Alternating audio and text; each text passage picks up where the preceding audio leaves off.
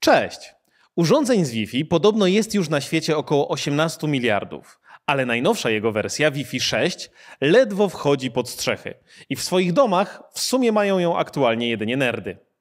Popularność jego dalszego rozszerzenia, czyli Wi-Fi 6E, jak Extended, jest jeszcze mniejsza. Szerszemu wdrożeniu nie pomagają ceny urządzeń, ponieważ routery wspierające najnowsze standardy na jakimś ludzkim poziomie nadal do tanich nie należą. Mimo tego na horyzoncie możemy już dostrzec, że nadchodzi nowe. A skoro nowe, to na pewno lepsze niż stare. No i jeżeli jeszcze do tego nazywa się Wi-Fi 7, to już jest totalny odjazd, no bo przecież 7 jest większe niż 6. Więc musi być rakieta. Czy czeka nas kolejna już rewolucja? A może to tylko mała aktualizacja zrobiona po to, aby routery, które niedawno kupiliśmy i kosztowały nas grubo ponad tysiaka ciężko zarobionych polskich złotych, jeszcze przed turboinflacją, nadawały się tylko na śmietnik? Sprawdźmy to. Zapraszam.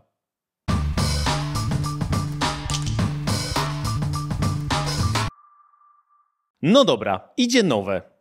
Siódemkę wielu uważa za szczęśliwą cyfrę, więc Seven, seven, seven, money maker. po prostu musi się udać. Ale tak jak w przypadku każdego standardu dotyczącego komunikacji, jest to tylko nazwa handlowa, łatwa w promocji i zrozumiała dla statystycznego śmiertelnika, aby sprzedać mu nowszy i droższy router w markecie.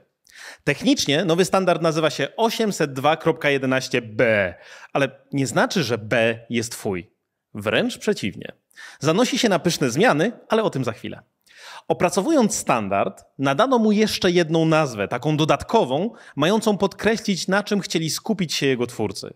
Jest to Extremely High Throughput, czyli po naszemu ekstremalnie duża przepustowość. No bo przecież za każdym razem, kiedy pojawia się coś nowego, to musi być szybsze od tego starego. No to oczywiste. Cyferki nie kłamią. Wiadomo, nowe równa się szybsze. I nie inaczej jest tym razem. Już Wi-Fi 6 ciężko było w normalnych warunkach nazwać zawali drogą, z prędkościami dochodzącymi, oczywiście tylko w teorii, do prawie 10 gigabitów na sekundę. Jednak siódma generacja wchodzi na zupełnie nowy poziom. Teoretyczna maksymalna prędkość połączenia wynosi aż 46 gigabitów na sekundę. To tyle, co złącze Thunderbolt, a tradycyjny kablowy internet po miedzi został gdzieś po drodze daleko w tyle w tumanach kurzu. Pozwoli to ściągnąć całą dyskografię Metaliki w jakieś 11 sekund. I to we flaku. Jeszcze raz podkreślmy, to teoretyczne maksimum. Nigdy nikt poza laboratorium nawet nie zbliży się do tej wartości. Ale zawsze miło wiedzieć, że nasz nowy samochód ma na liczniku więcej niż ten stary. No ale skoro jest szybciej, to z jakiegoś powodu, prawda? No i tak, magia cyferek robi swoje, więc zwiększono wszystko, co tylko się dało. Po pierwsze, częstotliwość. Podobnie jak w Wi-Fi 6E, następna siódma generacja wykorzystuje zakres dodatkowo 6 GHz. Oczywiście w większym stopniu niż ta obecna, jeszcze w sumie nie wdrożona, a już powoli wysyłana na emeryturę. Pozwala to też na zastosowanie agregowania kanałów w znacznie większym zakresie. Z 160 MHz wartość ta wzrosła dwukrotnie do 320 MHz. Po ludzku mówiąc, to po prostu szersza rura, którą może płynąć internet. Daje to też więcej niezależnych kanałów. Z sześciu ilość ta wzrasta do siedmiu. To zaś powoduje, że potencjalnie jeszcze rzadziej będziemy zakłócać się z sąsiadami. Podsumowując, Wi-Fi 7 będzie korzystało z trzech zakresów częstotliwości: 2.4, 5 i 6 GHz. Rozwinięto też możliwość MIMO, czyli prowadzenia komunikacji równolegle wieloma antenami. Wcześniej było ich 8, teraz może ich być w jednym urządzeniu, teoretycznie 16. Jeżeli ktoś z Was marzył o tym, żeby mieć jeżyka w domu, Młody Jerzyk. to będziecie mogli to śmiało zrealizować routerami wspierającymi w pełni Wi-Fi 7. No a poza tym więcej znaczy lepiej. Z tym nie ma się co kłócić. W telefonach czy laptopach wprowadzenie tej ilości anten jest raczej nierealne, ale nawet przy dwóch potencjalna przepustowość wynieść ma około 5,5 gigabita na sekundę. Całkiem nieźle. Znacznie wzrasta również kłam. Z 1024 do aż 4096 w wersji siódmej. Tak, teraz nawet kłam jest w 4K. Ale co to w sumie takiego jest? To tak jakby upakowanie w ramach wiązki radiowej o takiej samej objętości większej ilości pojedynczych sygnałów za pomocą odpowiedniego kodowania. Najlepiej wyobrazić to sobie w ten sposób, że jeżeli macie taką puszkę na makaron, to będziecie w stanie ułożyć w jej przekroju tylko jeden albo maksymalnie kilka kawałków cannelloni. Penne wejdzie już trochę więcej. A co dopiero bucatini albo spaghetti. Tak właśnie działa w dużym uproszczeniu zwiększenie wartości kłam. W rurze o tej samej średnicy próbujemy zmieścić więcej elementów, a Wi-Fi 7 to już takie spaghetti. Jest naprawdę ciasno. Mówię sobie o tej całej szybkości, ale jak na razie wygląda to po prostu tak, jakby wszystkie wartości po prostu podkręcono na 11 i tyle. Czy jest tak w rzeczywistości? Na szczęście nie. Wiele wskazuje na to, że Wi-Fi w wersji 7 przyniesie nam nie tylko czystą moc, ale również sporo inteligencji i finezji, aby w pełni ją wykorzystać. Tylko co inteligentnego można zrobić z Wi-Fi? Jak się okazuje, naprawdę sporo. Zacznijmy od tego, że przed twórcami nowego standardu, poza oczywiście prędkością, postawiono jeszcze jeden, pewnie nawet ważniejszy cel: znaczne podniesienie stabilności oraz obniżenie opóźnień. Celem jest przykładowo zbieranie danych z sensorów rozsianych po hali produkcyjnej bez zakłóceń, albo też możliwość przeprowadzania zdalnych operacji, na przykład chirurgicznych. A jak inżynierowie podeszli do rozwiązania tego problemu? Jedną z nowych, bardzo obiecujących funkcji jest Preamble Puncturing. A co to takiego?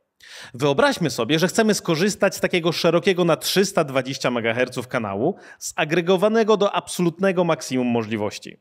Wszystko idzie świetnie, osiągamy zabójcze transfery, ale w pewnym momencie napotykamy zakłócenia gdzieś na środku tego pasma. W sumie niewielkie, ledwie na kilka albo kilkadziesiąt megaherców. Obecnie jest to spory problem, ponieważ router musi znaleźć jakieś inne nieprzerwane zakłóceniami pasmo, w wyniku czego zostajemy w najlepszym wypadku jedynie z połową dostępnej przepustowości. A samo to poszukiwanie też chwilę trwa. Wi-Fi 7 wprowadza mechanizm, który pozwala na wycięcie w ramach zagregowanego kanału jakiegoś niewielkiego jego fragmentu. Dzięki temu nie musimy w sumie wiele zmieniać, a jedynie wyciszyć na przykład 20 MHz fragment szerszego pasma. Ewentualne zwolnienie transmisji pomiędzy dwoma urządzeniami nie będzie tak dotkliwe. Ciekawe, czy ktoś wpadł na to rozwiązanie, patrząc na nocza w iPhone'ie i zastanawiając się, jak to się ma do Wi-Fi. Następną ciekawą rzeczą są połączenia bezpośrednie. Głęboko wierzę, że lepiej pracować sprytniej niż ciężej i dokładnie takie podejście zaprezentowali tutaj twórcy standardu. Jeżeli mamy w sieci bezprzewodowej dwa urządzenia, które potrzebują ze sobą rozmawiać szczególnie intensywnie, mogą one zużywać wiele zasobów naszego routera. A jak? Na przykład streamując bezprzewodowo wideo 3D HDR w 8K z laptopa na telewizor. Rozwiązaniem tego problemu jest możliwość łączenia się tych urządzeń bezpośrednio ze sobą, a routerowi pozostawienie jedynie kwestii nadzoru nad tym połączeniem. Bardzo podoba mi się takie delegowanie zadań, ponieważ wszyscy na tym zyskują. Połączenie między tymi dwoma urządzeniami będzie potencjalnie stabilniejsze, szybsze i z mniejszym opóźnieniem. A responsywność to bardzo ważna cecha, na przykład w coraz popularniejszych urządzeniach virtual reality. Dodatkowo oszczędza to czas routera, który może go poświęcić na coś innego. Następna nowość, która na pozór nie wydaje się jakaś ogromna, to mechanizm Hybrid Automatic Repeat Request. Co to takiego i do czego służy? Jeżeli wasz router wysyła do telefonu czy też laptopa pewną paczkę informacji, ale dociera ona do adresata w jakiś sposób uszkodzona, na przykład przez zakłócenia, to odbiorca prosi w odpowiedzi o przesłanie tej paczki jeszcze raz. Całej. I tak do skutku, czasami wielokrotnie. Jednak może być tak, że za każdym razem uszkodzony jest inny fragment tej paczki. Można to więc wykorzystać. W Wi-Fi 7 uszkodzona paczka będzie przechowywana w pamięci i jeżeli przyjdzie po raz drugi, nawet znowu uszkodzona, ale pójdzie z tego złożyć działającą całość, to kolejna transmisja nie będzie już konieczna. Pozwoli to w kolejnym miejscu zmniejszyć opóźnienia w komunikacji. To tak jakby poskładać z kilku wybrakowanych zestawów klocków Lego jeden cały. W sumie genialne w swojej prostocie, jednak trzeba pamiętać, że będzie to wymagało większej mocy obliczeniowej oraz większej pamięci od urządzeń wykorzystujących ten mechanizm. Na koniec feature'ów, z których ma szansę korzystać statystyczny domowy użytkownik, zostawiłem prawdziwą gwiazdę roka. Multilink Operation. A co to takiego i dlaczego nagle wybuchnąłem aż takim entuzjazmem? Bo to jest ten killer feature, który ma za zadanie sprawić, że o Wi-Fi 7 będzie mówiło się bardzo głośno. To nie jest po prostu zwykła ewolucja standardu, a coś zupełnie nowego i, nie bójmy się tego słowa, nowatorskiego. Większość w miarę nowoczesnych urządzeń z Wi-Fi na pokładzie posiada co najmniej dwa radia, a czasami nawet i więcej. Standardem w tej chwili jest 2,4 GHz oraz 5 GHz. I na tej podstawie zdradzę Wam, gdzie jest haczyk. Jeżeli na jednym routerze chcemy korzystać z obu tych pasm, to tworzymy dwie osobne podsieci. Jeżeli w jednej z nich wystąpią jakieś niespodziewane zakłócenia, to możemy ręcznie przełączyć się na tę drugą. Ale ani to szybkie, ani wygodne. A jakby tak to naprawdę była jedna sieć? I nasz laptop albo telefon mógłby płynnie się między nimi przełączać? Taki właśnie cel przyświeca twórcom Wi-Fi 7, ale konsekwencje takiego rozwiązania idą zdecydowanie dalej niż tylko w wygodę zmiany podsieci. Zalet jest naprawdę sporo. Wyobraźcie sobie kilka scenariuszy. Jednym z nich niech będzie pobieranie czegoś z bardzo dużą prędkością. Można wtedy całe najszersze pasmo zagregować w jeden kanał, aby uzyskać maksymalną przepustowość w jedną stronę, a komunikację zwrotną prowadzić na przykład w obrębie starszego zakresu 2,4 GHz, bo tu prędkość nie jest już taka ważna. Coś przerywa? Przesuwamy transmisję w inne rejony pasma, gdzie nie ma tego kłopotu. Mamy do przesłania bardzo istotne dane, w których istotna jest też pewność dostarczenia ich w jak najkrótszym czasie. Możemy wysłać te dane wielokrotnie, różnymi pasmami naraz, aby mieć większą pewność, że bez problemów i ewentualnych zakłóceń dotrą do celu na czas. Kolejnym przykładem niech będzie oddalanie się od urządzenia dostępowego. Jesteśmy blisko? Korzystamy z 5 albo 6 GHz. Oddalamy się i sygnał słabnie? Dynamicznie przesuwamy się w stronę bliższą 2,4 GHz, które ma większy zasięg, bo lepiej mieć jakiekolwiek, nawet wolniejsze połączenie niż żadne. Wszystkie te rozwiązania mają na celu nie tylko wzrost szybkości, ale także znaczny spadek opóźnień, które mają oscylować w okolicach kilku milisekund. Pomyślicie pewnie, że to takie oczywiste i możecie też zapytać, dlaczego teraz się tak nie da? Albo dlaczego dopiero w Wi-Fi 7? Konieczna była bardzo poważna zmiana w architekturze samego Wi-Fi na bardzo niskim poziomie. Z zachowaniem wstecznej kompatybilności oczywiście. W dużym skrócie, komunikacja odbywa się zawsze pomiędzy dwoma unikalnymi adresami fizycznymi, czyli adresami MAC. Więc jak zrobić, żeby możliwe było kilka równoległych połączeń mimo jednego adresu fizycznego? Projektanci wpadli na pomysł, żeby podzielić adresy MAC na dwie kategorie: wysoką i niską. Wysoka działa dokładnie tak samo jak do tej pory, ale dochodzi jeszcze niska. I tych może być wiele w obrębie jednej transmisji. Zainteresowanych technikaliami zachęcam do sprawdzenia materiału, do którego link znajdziecie na końcu odcinka. Co ważne, będzie się dało wykorzystać część tych funkcji na całkiem satysfakcjonującym poziomie, również w urządzeniach posiadających jedno, jedyne radio, czyli na przykład mniej skomplikowanych telefonach albo urządzeniach IoT. Dzięki temu skok technologiczny ma być szerszy, a nie jedynie dostępny dla garstki najdroższych urządzeń. Czy się uda? Zobaczymy. To wszystko brzmi świetnie nawet dla rozwiązań stricte domowych, ale dla bardziej skomplikowanych środowisk, w których wykorzystuje się wiele access pointów, też jest trochę mięska. W realiach wielu bezprzewodowych urządzeń dostępowych działających w standardzie Wi-Fi 7 mogą one nareszcie ze sobą pewne rzeczy ustalać. Na przykład wykorzystując do tego klasyczną sieć opartą na miedzi, do której są razem podpięte. A co ma to dać? Ano mają one mieć możliwość wypracować najlepszą dla wszystkich strategię komunikacji. Na przykład w przypadku bardzo istotnych danych, nieznoszących opóźnień, mogą do klienta nadawać dwa urządzenia naraz, identyczne dane, aby szansa ich dotarcia do celu była znacznie większa, a ewentualna korekcja błędów łatwiejsza i efektywniejsza. Mogą to być również inne dane, aby zwiększyć całkowitą przepustowość używając dwóch niezależnych połączeń. Ale to nie wszystko. Mogą też umówić się, że w sytuacji, w której jeden z klientów jest jakby pomiędzy dwoma urządzeniami w przestrzeni, to jedno z nich zmniejszy moc, aby nie generować zakłóceń. I to nie wszystko. W takich realiach jeden z access pointów może wyemitować falę, która anuluje inną falę przez interferencję, aby zmniejszyć zakłócenia pomiędzy innym urządzeniem i jego klientem. To wszystko jest dość skomplikowane i trzeba poczekać z ewentualnymi wnioskami do momentu, aż pojawią się pierwsze implementacje tych rozwiązań przez producentów sprzętu. W teorii jednak brzmi to naprawdę interesująco. Ale co to wszystko nam daje, tak zebrane do kupy i po ludzku? Wszystkie te rozwiązania są sposobami na to, aby poprawić nie tylko transfery, ale przede wszystkim jakość połączeń.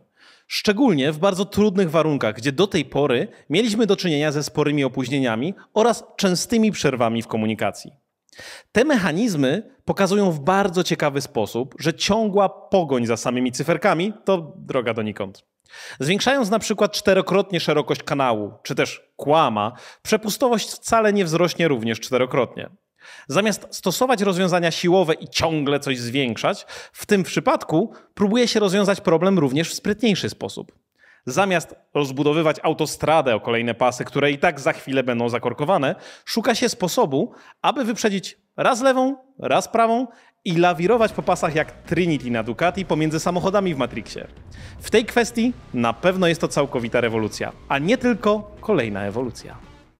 W nielicznych do tej pory testach udało się uzyskać około 3 do nawet 5-krotny wzrost przepustowości w stosunku do Wi-Fi 6E oraz znacznie ograniczyć opóźnienia.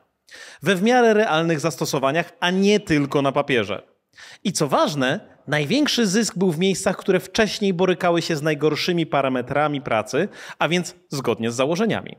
To bardzo cieszy, ponieważ możemy dzięki temu spodziewać się nie tylko większej szybkości, ale też lepszej stabilności połączenia oraz niższych opóźnień.